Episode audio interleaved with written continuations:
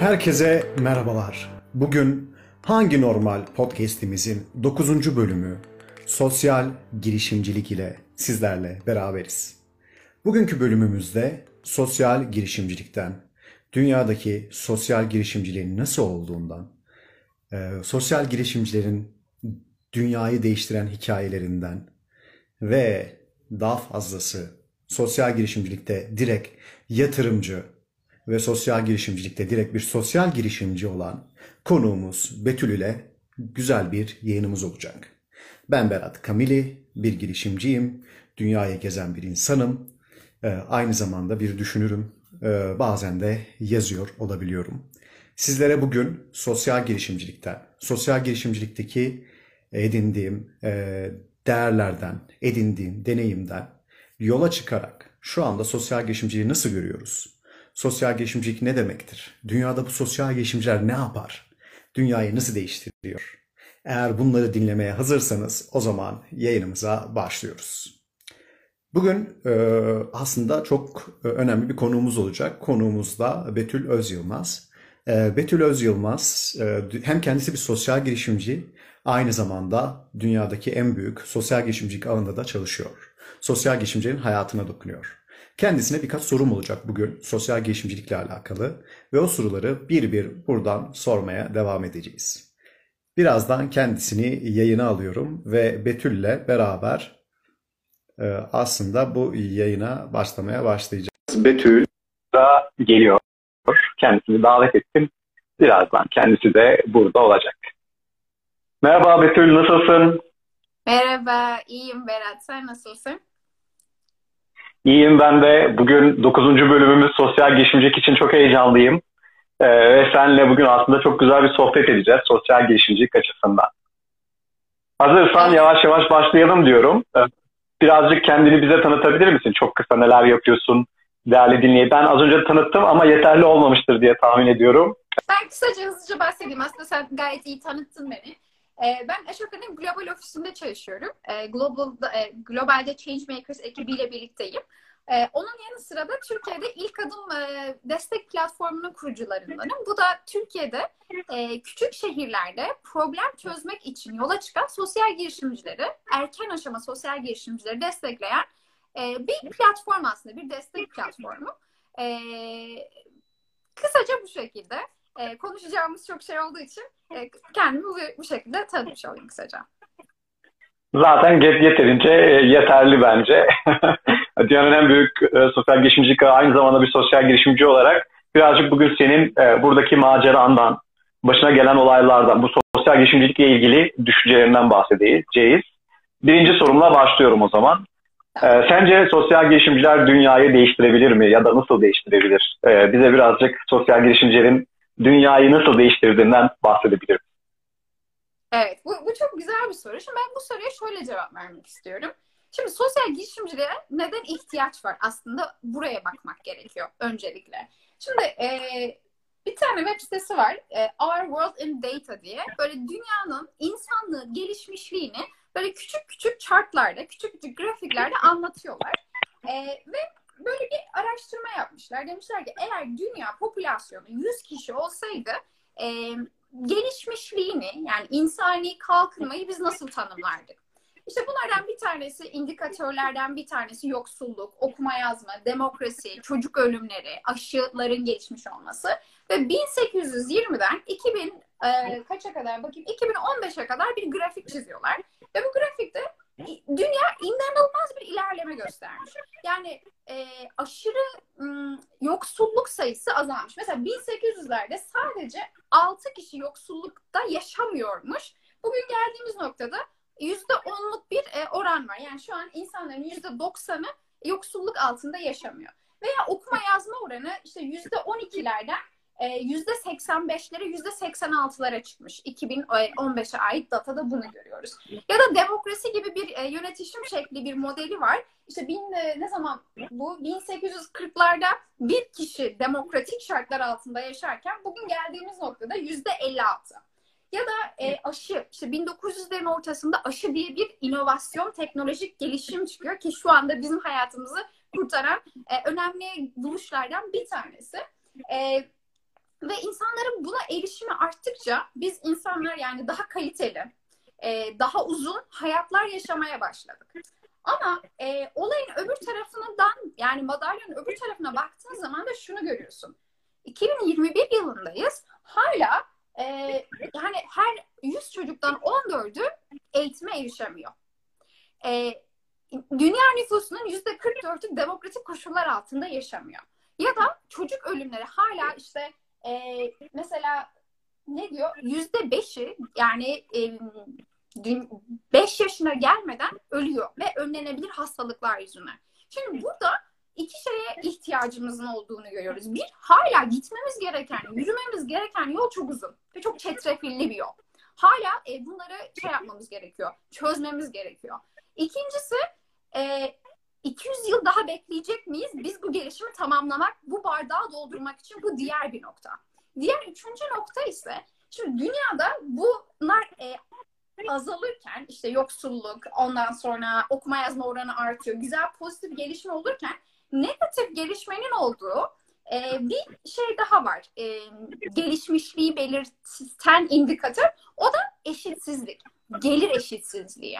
Şimdi şöyle bir araştırma yapmışlar ve bu araştırmada e, şöyle basitleştirilmiş bir örnek veriyorlar. Diyor ki e, bir pasta düşün diyor. 100 dilim. 100 dilime bölünmüş büyük bir pasta.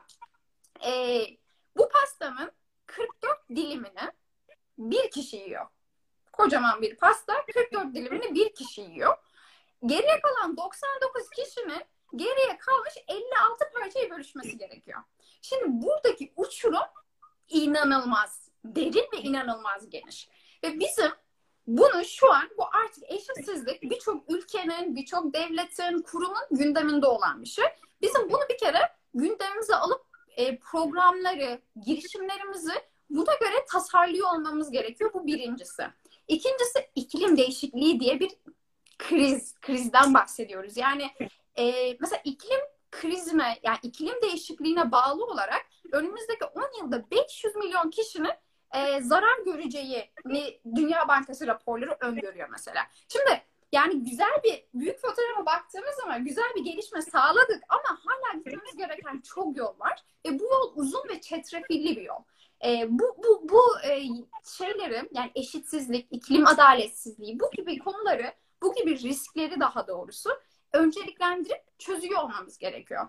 Şimdi bu bardağın boş kısmını doldurmak da tek, tek kurumun, tek sektörün e, sorumluluğunda değil. Olamayacak kadar geniş çünkü. Şimdi burada sosyal girişimcileri güzel yapan ve heyecanlandıran kısmı da şu. Şimdi sosyal girişimler genelde e, içten yanmalı, motivasyonu müthiş yüksek olan kişiler tarafından kurulan ekipler, küçük işletmeler. Ve bunlar küçük işletme oldukları için inanılmaz bir esneklikleri var aslında. Yani bir inovasyon deneme esnekliği ve kabiliyeti var. Şimdi bu büyük bir kamunun ya da Birleşmiş Milletler gibi büyük multilateral organizasyonların her zaman yapamadığı yani aynı hızda ve aynı etkinlikte yapamadığı inovasyonlar. Bu yüzden sosyal girişimcilerin bu inovasyon kapasitesi, problemi çok iyi analiz etme becerileri aslında bu problemleri kolektif bir şekilde çözmek için e, çok farklı, daha etkili çözüm önerileri sunduğunu görüyoruz. Yani bu önerilerin bu kişilerden, bu sosyal girişimcilerden geldiğini görüyoruz. Lakin tabii bu çok güzel bir katkı ama şunu da biliyoruz. Bir sosyal girişimin başarılı olma yüzdesi çok da düşük. Çünkü e, şey şartlar, işte farkındalık, e, kolaylaştırıcılık gibi faktörlerin birazcık daha eksik olduğunu e, görüyoruz bu noktada. Ama e, bu e, bir de son bir şey söyleyeyim. Sosyal benim bu zamana kadar çalıştığım sosyal girişimcilerde ben hep şunu gördüm. E, mesela bir girişimci bir problemi gözlemler, orada bir fırsat görür ve bunun üzerine kapitalize eder bunu. Yani. Fakat sosyal girişimcilerde ben hep şunu görüyorum. Çözmeye çalıştığı problemi aslında kendisi de zamanında bundan muzdarip olmuş. Kendisi de bundan zamanında başı yanmış, e, dertlenmiş ve bu problemi çözmek istiyor. Önce kendisi için, önce kendi yaşadığı köy için, kendi yaşadığı ilçe için, daha sonra da bunu e, büyütüp kanıtladıktan sonra işte başka organizasyonların, kamunun gündemine e, getirebilmeye çalışıyor. Umarım cevap verebilmişimdir bu uzun cevabından. Peki o zaman daha açık diyeyim. Yani sen inanıyor musun gerçekten dünyayı değiştirebileceklerine? E, bence evet. Yani e, bu bunun kolektif bir sorumluluk olduğunu düşünüyorum. Ve bu sorumluluk içerisinde sosyal girişimcilerin böyle özel e, biricik bir rolü olduğunu düşünüyorum. Bu da hani kahramanlık hikayesi değil bu. Hani bir kişi gelip de dünyayı değiştirmeyecek. E, ona inanmıyorum. Ama e, kendi becerileri ve de, eşsiz değerleri ışığında bu değişime e, değişimde diyeyim sana çok büyük e, adım atacaklarını ve rol oynayacaklarını düşünüyorum. Çok güzel bir cevap verdin. Teşekkür ederim. Peki bu sosyal girişimcilerden bahsetmişken e, benim merak ettiğim konu e, birazcık bu sosyal girişimcilerden, e, örneklerden bahsedebilir misin? Hani hangi örnekler var? Neler yapıyor bu evet. sosyal girişimciler ve dünyayı kendi çaplarında nasıl değiştirmeye çalışıyorlar? Birazcık bize bu örneklerden bahsedebilir misin? Kesinlikle. Ee, bir tanesi benim çok yakın arkadaşlarımdan, senin de tanıdığın Gülcan Yayla. Ee, Gülcan Kodluyoruz'un kurucusu. Ee, herkes hatta gidip kodluyoruz.org ne yapıyorlarmış bakabilirler. Ee, çok kısaca e, umarım yanlış anlatmam. Şu şekilde özetleyebiliriz aslında Gülcan'ın getirdiği ve Kodluyoruz'un getirdiği değişimi. Şimdi ben teknoloji, bilişim sektöründe bir bölüm okudum ya da okumadım. Fakat bu alanda çalışmak istiyorum ve beceri kazanmak istiyorum. Çünkü işe girmek için gerekli beceriye, donanıma yok yok yani. Ya okulda alamamışım bunu yani öyle bir bölüm okumuş olmama rağmen veya başka sebeplerden ötürü. Gülcanlar 3 aylık e, eğitimler, bootcamp'ler hazırlıyorlar ve bu o kadar kaliteli, o kadar etkili bir şekilde bu bootcamp'leri kullanıcıya, öğrenciye sunuyor ki buradan mezun olduktan sonra insanlar, öğrenciler, genç insanlar çok hızlı bir şekilde iş bulabiliyorlar. Şimdi bu çok böyle mikro ölçekte bir e, sistemdeki bir bug aslında. Yani bu insanlar e, birileri bu alanda ilgisi var, yazılımcı olmak istiyor, bu alanda çalışmak istiyor ama bu e, upskilling diyorlar işte İngilizce'de de hani o beceriyi kazanmak için fırsatları bulamıyor etrafında. Kırşehir'de bulamıyor atıyorum. Atıyorum Gaziantep'te bunu bulamıyor. Ve Gülcanlar oraya gidip bu eğitimi verip e, bu e, beceri kazanmasını sağlıyorlar. Bir diğeri Mesut Keskin, e-bursum. E, tavsiye ediyorum web sitesine gidin bakın. Bir tane de e, dünyadan örnek vereyim. E, Bert Wiggins diye kendisi bir Ashoka Fellow aynı zamanda My Apopo diye bir e, organizasyonun kurucusu. Çok kısa şekilde şöyle anlatayım. E, Bert Mozambik'te lerle çalışıyor.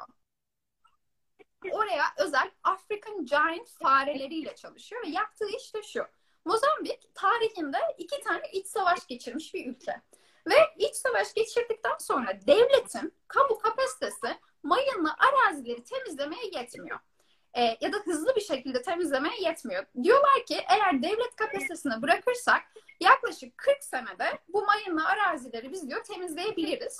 Fakat Bird öyle bir inovasyon getiriyor ki bu fareler o yöreye özel e, African Giant faresi var. Bunların koku alma özellikleri çok gelişmiş. Oldukça hafif hayvanlar. E, bu hayvanları eğiterek e, bayağı e, şey mayını koklatıyor. Kokusunu aldıktan sonra kuyruğunu sallaması için ya da kuyruğunu sallıyorsa ona peynir veriyor.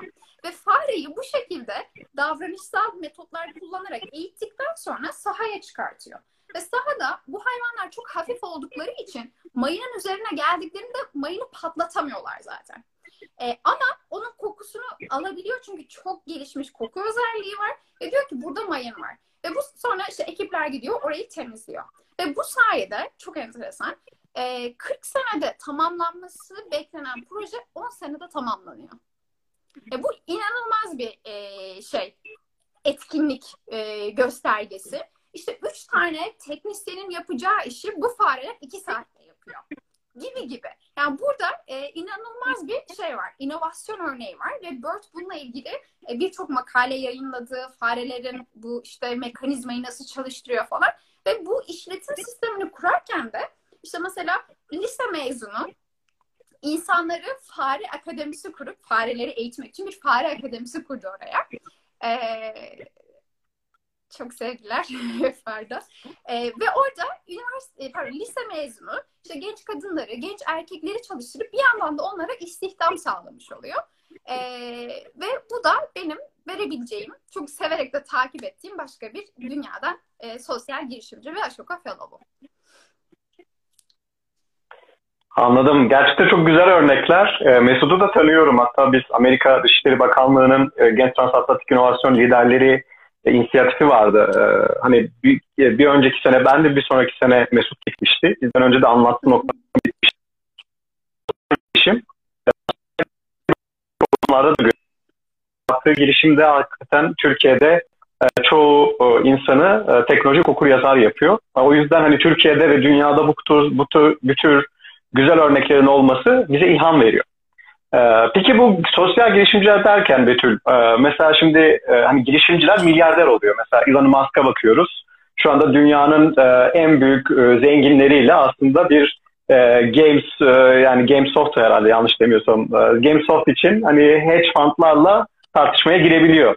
Bu bizim sosyal girişimciler milyarder olabiliyor mu? Böyle örneklerimiz var mı? Yani sence ya da milyarder olmalı mı sosyal girişimciler? Bu merak ettiğim bir soru. Bunu sormak istiyorum sana. Bence çok güzel bir soru. Hatta belki e, şu an e, canlı yayında olan insanlar da evet hayır diye cevap verebilirler belki. Yani sosyal girişimciler milyarder olmalı mı diye. E, yani benim tanıdığım milyarder bir sosyal girişimci yok.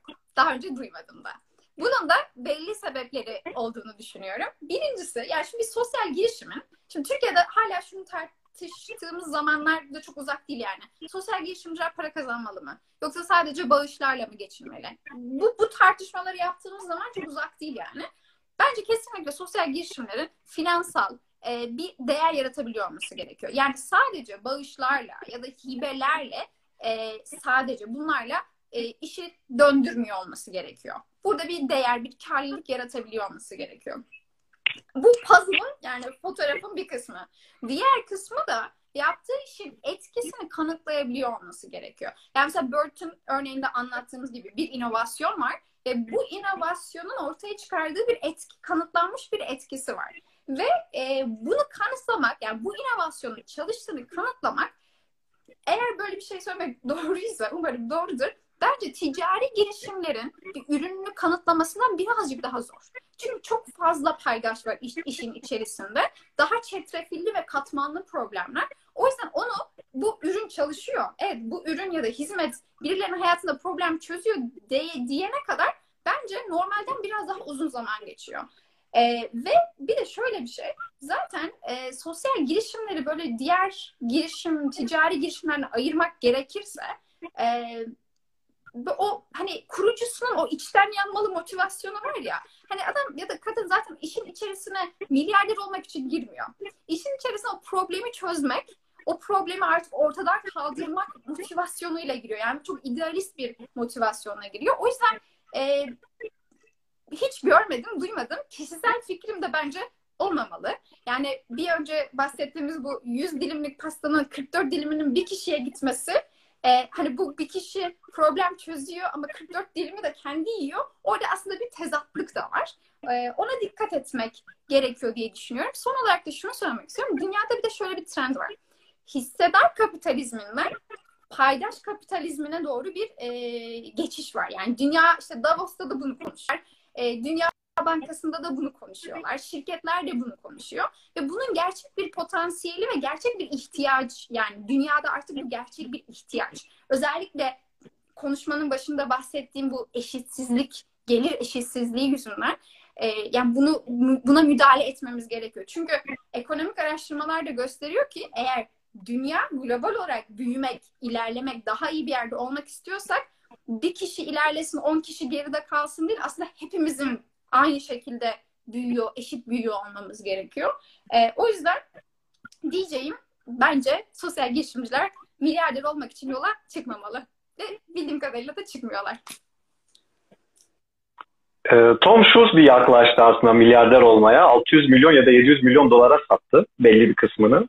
Belki de derlemesi milyar dolardır. Yani Tom Shoes belki ileride milyarder sosyal girişimci olarak e, olabilir bilmiyorum daha olmadı. Hani dediğin gibi ben de milyarder sosyal girişimci Yani Facebook etik olsaydı sayabilirdik ama Facebook hani şu an Facebook'a şey gibi demek olmasın da hani Facebook sosyal girişim olarak tam olarak çıkmadı. Ee, ama sosyal girişim olabilirdi çok etik olsaydı ve o yola da doğru gidiyor. Belki ileride Mark Zuckerberg bir sosyal girişimci olarak aramıza katılabilir bilmiyorum. Ee, sadece hani davet ediyorum burada. Çünkü daha etik olduğu zaman görüyoruz mesela insanlar işte şu anda Signal gibi, e, Telegram gibi uygulamalara geçiyorlar. Demek ki büyük milyarderlerin de daha sosyal girişimci davranması gerekiyor ki e, kendi paylarını koruyabilsinler. Bence bu son yaşadığımız dönem bize onu çok güzel anlatıyor. E, ve çok değerli e, yorumlar da kattım bize aynı zamanda Milyar Buz. Ve çok merak ettiğim bir soruydu. E, çok teşekkür ederim verdiğin yanıt için. E, o zaman devam edelim istersen diğer bir sorumuzla. Eklemek başka eklemek istediğim bir şey yoksa pardon üstüne konuştuğum gibi oldu. Şöyle bir şey de var. Şimdi unicorn şirketleri biliyoruz değil mi? İşte hani belli bir market cap'ine ulaştığı zaman işte değerlendirmeye e, unicorn şirket diyoruz. Şimdi şöyle bir tanım da ortaya çıkıyor Berat. E, zebra. Zebra şirketler. Ve bu zebra şirketlerin e, çevreye, çalışanlarına, daha etik, daha e, adaletli davranıp ama aynı zamanda da markette belli bir e, nasıl denir yer edinmesi koşuluyla bu şirketlere zebra şirketleri deniyor. Yani artık o şey dediğim o e, şey pardon hissedar kapitalizminden e, şeye e, geçiş e, paydaş e, kapitalizmine geçişi yaşıyoruz yani. Bu büyüyor. E, buralarda da Türkiye gibi ülkelerde de bunu daha sık duyacağız bence zebra şirketlerine. Evet, aramıza hoş geldiler diyelim zebra şirketler. Umarım çok daha fazla zebra şirketini de görmüş oluruz diye umuyorum. Evet. Ee, peki hani bu e, milyarder demişken hani dünyanın en büyük sosyal girişimcilik ağı Ashoka dedik. Ee, bu sosyal girişimcilik Ashoka'da neler oluyor? Yani sosyal girişimciler orada nasıl sosyal girişimciler seçiliyor? Yani kim bu sosyal girişimciler Ashoka'dakiler? Biraz bize Ashoka ile ilgili bilgi verebilir misin? Evet, anlatayım. Ee, Ashoka 1980 yılında kurulmuş bir network ee, ve kurucusu Bill Drayton. Ee, kendisi eski bir McKinsey şeyi e, danışmanı ee, ve sanıyorum Hindistan'a bir seyahat yapıyor ve yaptığı bu seyahat sırasında girişimci birilerini görüyor. Yani girişimci problem, ya sosyal bir problemi çözmeye çalışıyorlar ama işte bir iş modelleri de var içerisinde ve e, diyor ki bunlar da normal bildiğimiz girişimcilerden değil, farklı. Ve e, o dönemki çalışmalarıyla sosyal girişimcilik tanımını ortaya atan kişi. 1980'lerin başında yapıyor bunu. Ve 1980'lerden artık işte 40 küsur sene sonra hala yani sosyal girişimciliğin geldiği nokta e, daha büyük bir mar yani market büyüdü. Bununla ilgili eğitimler veriliyor. Üniversitelerde master programları var. Yani bu büyüyen bir alan oldu. Ashoka hala sosyal girişimcileri e, bir yıllık, yaklaşık bir yıllık bir e, due diligence yani eleme sisteminden geçirdikten sonra network'üne kabul ediyor. E, şu an Ashoka'nın network'ünde yanlış hatırlamıyorsam 3500'ün biraz üzerinde sosyal girişimci var dünyanın e, hemen hemen her ülkesinden. E, ve tabii ki Ashoka sadece sosyal girişimcileri destekleyip ve bu programına işte fellowship programı diyor. Bunu da bitirmiyor işi. Aynı zamanda başka paydaşlarla da çalışıyor. İşte özel sektörle de çalışıyor. E, veya e, nasıl söyleyeyim aileler yani farklı kullanıcı gruplarına göre farklı programlar düzenliyor. Mesela benim çalıştığım globaldeki ekibin adı Changemakers ve biz Changemakers ekibinde e, iki tane ürünümüz var. Birincisi Challenge. Bu e, bir mesela e, geçen sene HSBC ile bir challenge yaptık. Nedir? Burada bir soru vardı. İşte geleceğin becerileri nelerdir ve insanları geleceğin becerilerine, geleceğin iş gücüne hazırlamak için ne yapmak gerekiyor diye. E, bu global bir e, yarışmaydı. Öyle söyleyeyim. Yani bunlar yarışmalar aslında. E, dünyanın her yerinden başvuru aldık ve e, eleme sürecinden sonra işte kazananlarını seçtik. Ve bu kazananlarını daha sonra ihtiyaçları dahil bir network, bir community'ye dahil ediyoruz. E, işte mesela HSBC'den mentorlar atanıyor. Hatta e, bu yarışmanın, geçen seneki yarışmanın Türkiye'den e, kazananı kodluyoruz da. Yaptıkları bu e, hani bu upskilling dedik ya yetenek e, sunmak, yetenek kazanmak için insanlara fırsat sunuyor olmalarıyla e, böyle bir ödüle de layık görüldüler. Böyle programlar yapıyoruz ve bu programları yaparken de hem birazcık daha şirketlerin e, kültürünü etkilemeye çalışıyoruz açıkçası. Hem de daha fazla sosyal girişimciyi e, ve daha fazla sosyal inovasyonu ortaya çıkarmayı hedefliyoruz. E, böyle programlarda yapıyoruz e, diyeyim. E, daha fazla öğrenmek isteyen olursa web sitesine bakabilir ashoka.org e, veya bana mesaj da atabilirsiniz. E, konuşmaktan memnun olurum. Ama yaptığın şeyler sadece Ashoka'yla sınırlı değil. Şu anda dünyadaki en büyük göç fonların fonunun da e, bildiğim kadarıyla koordinatör ya da yöneticisi olacaksın. E, ve ilk adım kurduğun bir sosyal girişim var. İlk adım destek platformu. Birazcık hani e, bu kendi yaptığın işlerden de bahsedebilir misin? Yani çok kulağa gerçekten çok hoş geliyor. Yani dünyadaki en büyük göç fonunu ve göç girişimcilerini oraya toplamanın. Birazcık o programı da merak ediyorum. Bize ondan bahsedebilir misin? Tabii ki, tabii ki. Şöyle, biz ilk adım fonunu e, Gülcan, Emre, ben e, bir gün benim DC'de evde yemek yerken böyle işte biz bir şeyler yapmak istiyoruz. DC'deyiz. E, hepimizin bir girişimcilik geçmişi var. Böyle bir ihtiyaç da var deyip başlattığımız bir e, destek programı olarak başladı ve o günden bugüne kadar böyle e, çok küçük sayılarda da olsa e, küçük daha yeni başlayan sosyal girişimcileri desteklediğimiz e, bir platform haline geldi. Ve bu platformda e, hani spesifik bir konuya biz odaklanmıyoruz. E, yani işte sadece kadınların güçlendirilmesi ya da işte mülteciler değil. E, herhangi alan olabiliyor. Ve bu çalışmalara ben devam ederken e, SEEF diye bir organizasyon var DC'de. Bunlar e, etki yatırımı yapan e, global bir fon aslında.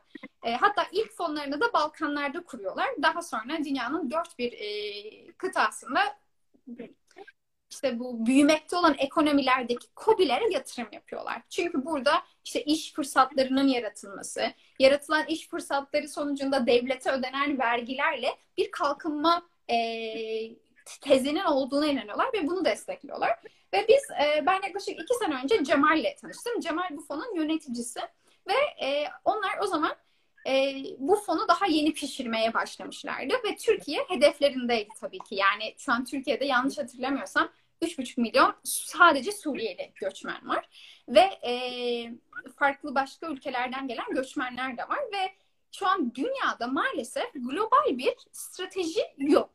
Bu zorunlu göçle ilgili özellikle. Yani zorunlu evini terk etmek zorunda kalmış insanları nasıl entegre etmek gerekiyor? Hem sosyal anlamda hem ekonomik anlamda bununla ilgili böyle e, multilateral bir cevap strateji geliştirilmemiş ve SIF de şuna inanıyor. Diyor ki yani girişimciler risk almayı, risk yönetmeyi e, yaşadıkları deneyimler yüzünden çok iyi bilen e, kişiler aslında.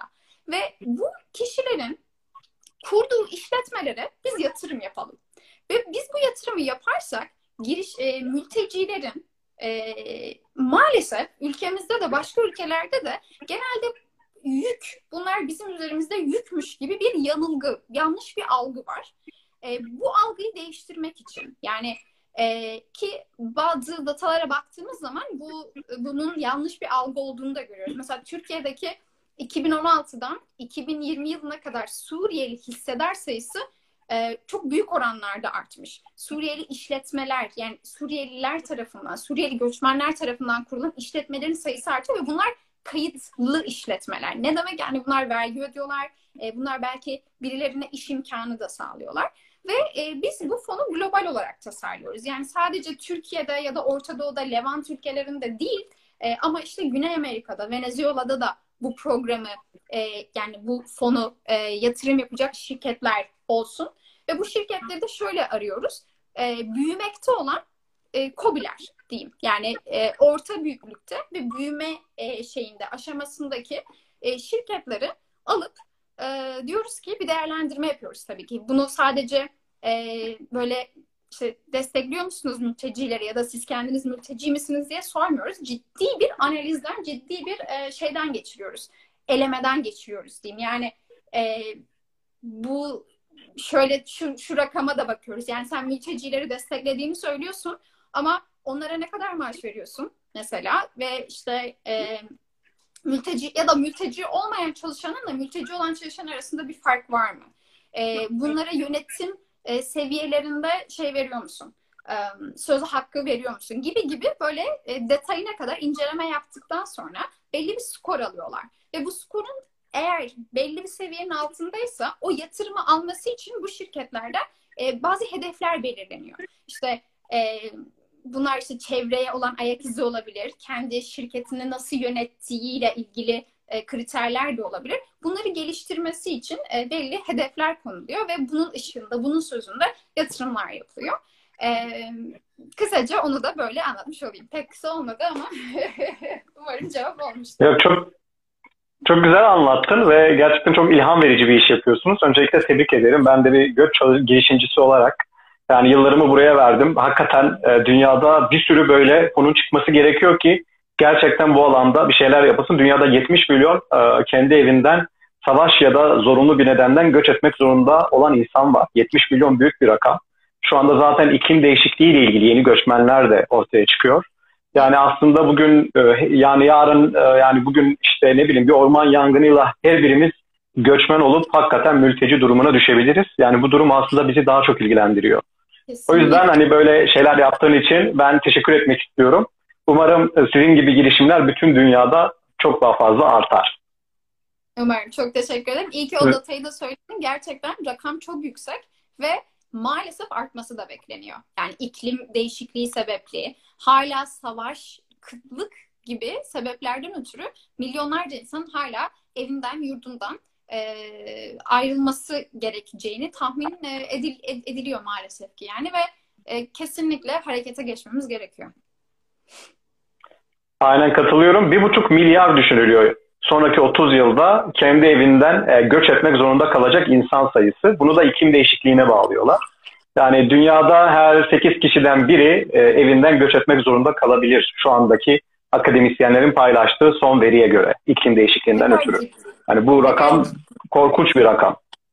Kesinlikle, kesinlikle katılıyorum. Ve e, şunu da eklemek istiyorum. Biraz konudan sapıyoruz ama yani özellikle 2020 ile birlikte insanların e, risk anlayışı da değişti. Mesela Covid yani pandemi e, aslında herkesin az çok bildiği bir şeydi. Yani e, bu akademik yayınlarda işte Dünya Bankası, Dünya Ekonomi Forumu'nun raporlarında her sene yayınlanıyordu bunlar aslında değil mi? Global riskler raporu. Pandemiler hep o listelerde vardı. Ama frekansı düşük. İşte belki 10 yılda bir olur, belki 20 yılda bir olur falan. Ve bunu belki de çok ciddiye almadığımız için şirketler, devletler hiçbir ülke hazırlıklı değildi. Hiçbir ülke böyle bir bu derece bir pandemiyle e, mücadele etmeye hazır değildi ve e, burada tabii ki bu olayı deneyimledikten, yaşadıktan sonra artık risk algımızın değiştiğini düşünüyorum. Ve iklim değişikliğiyle ilgili de bence e, artık o bu bilimsel mi değil mi tartışmasının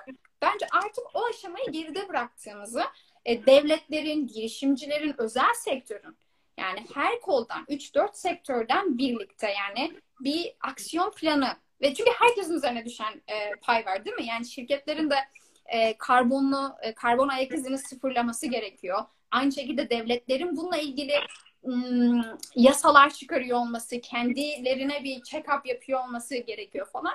Ve umuyorum ki hani bu 2020 bize bir şey gösterdiyse o da hiçbir riski hafife almamak gerekiyor. Çünkü bunun etkisi çok derin ve çok ağır. Yani altından kalkamayacağımız kadar ağır olabilir ki Covid bize birazcık bunun ön izlemesini gösterdi diye düşünüyorum. O zaman artık son sorumuza da geliyoruz. Handa hem de Covid'den bahsetmişken e, yani şu anki sosyal girişimcilere ne bahsetmek istiyorsun? Bir de son sorumuzu aslında Covid'le bağlanması çok güzel oldu. Çünkü sence sosyal girişimcilik yeni normal mi? Bence evet. Yani tabii olay artık sosyal girişim ya da girişimciliğin çok ötesinde. Olay artık e, daha e, da, şöyle söyleyeyim. Ya paydaş diyorum ya hani 10 kişinin ihtiyaçlarını göz önünde bulundurarak yapılan işlerde artık toplumun ihtiyaçlarını yani büyük ölçekte toplumun ihtiyaçlarını gözederek işler yapmamız, programlar tasarlamamız gerekiyor. Ve ben bunun da aslında normalleşmeye başladığını da düşünüyorum Berat biliyor musun? Ee, belki Türkiye'de biraz daha yeni bu konseptler ama Amerika'da dünyanın işte daha böyle gelişmiş ekonomi dedikleri ülkelerinde mesela ESG faktörleri var. Yani ESG işte bir şirketin genellikle halka arz olmuş şirketler üzerinden konuşuluyor bu faktörler. Çevreye, e, topluma ve kendi içerisindeki yönetişim şekliyle e, ne kadar nasıl diyeyim faydalı olup olmadığını ölçen mekanizmalar var.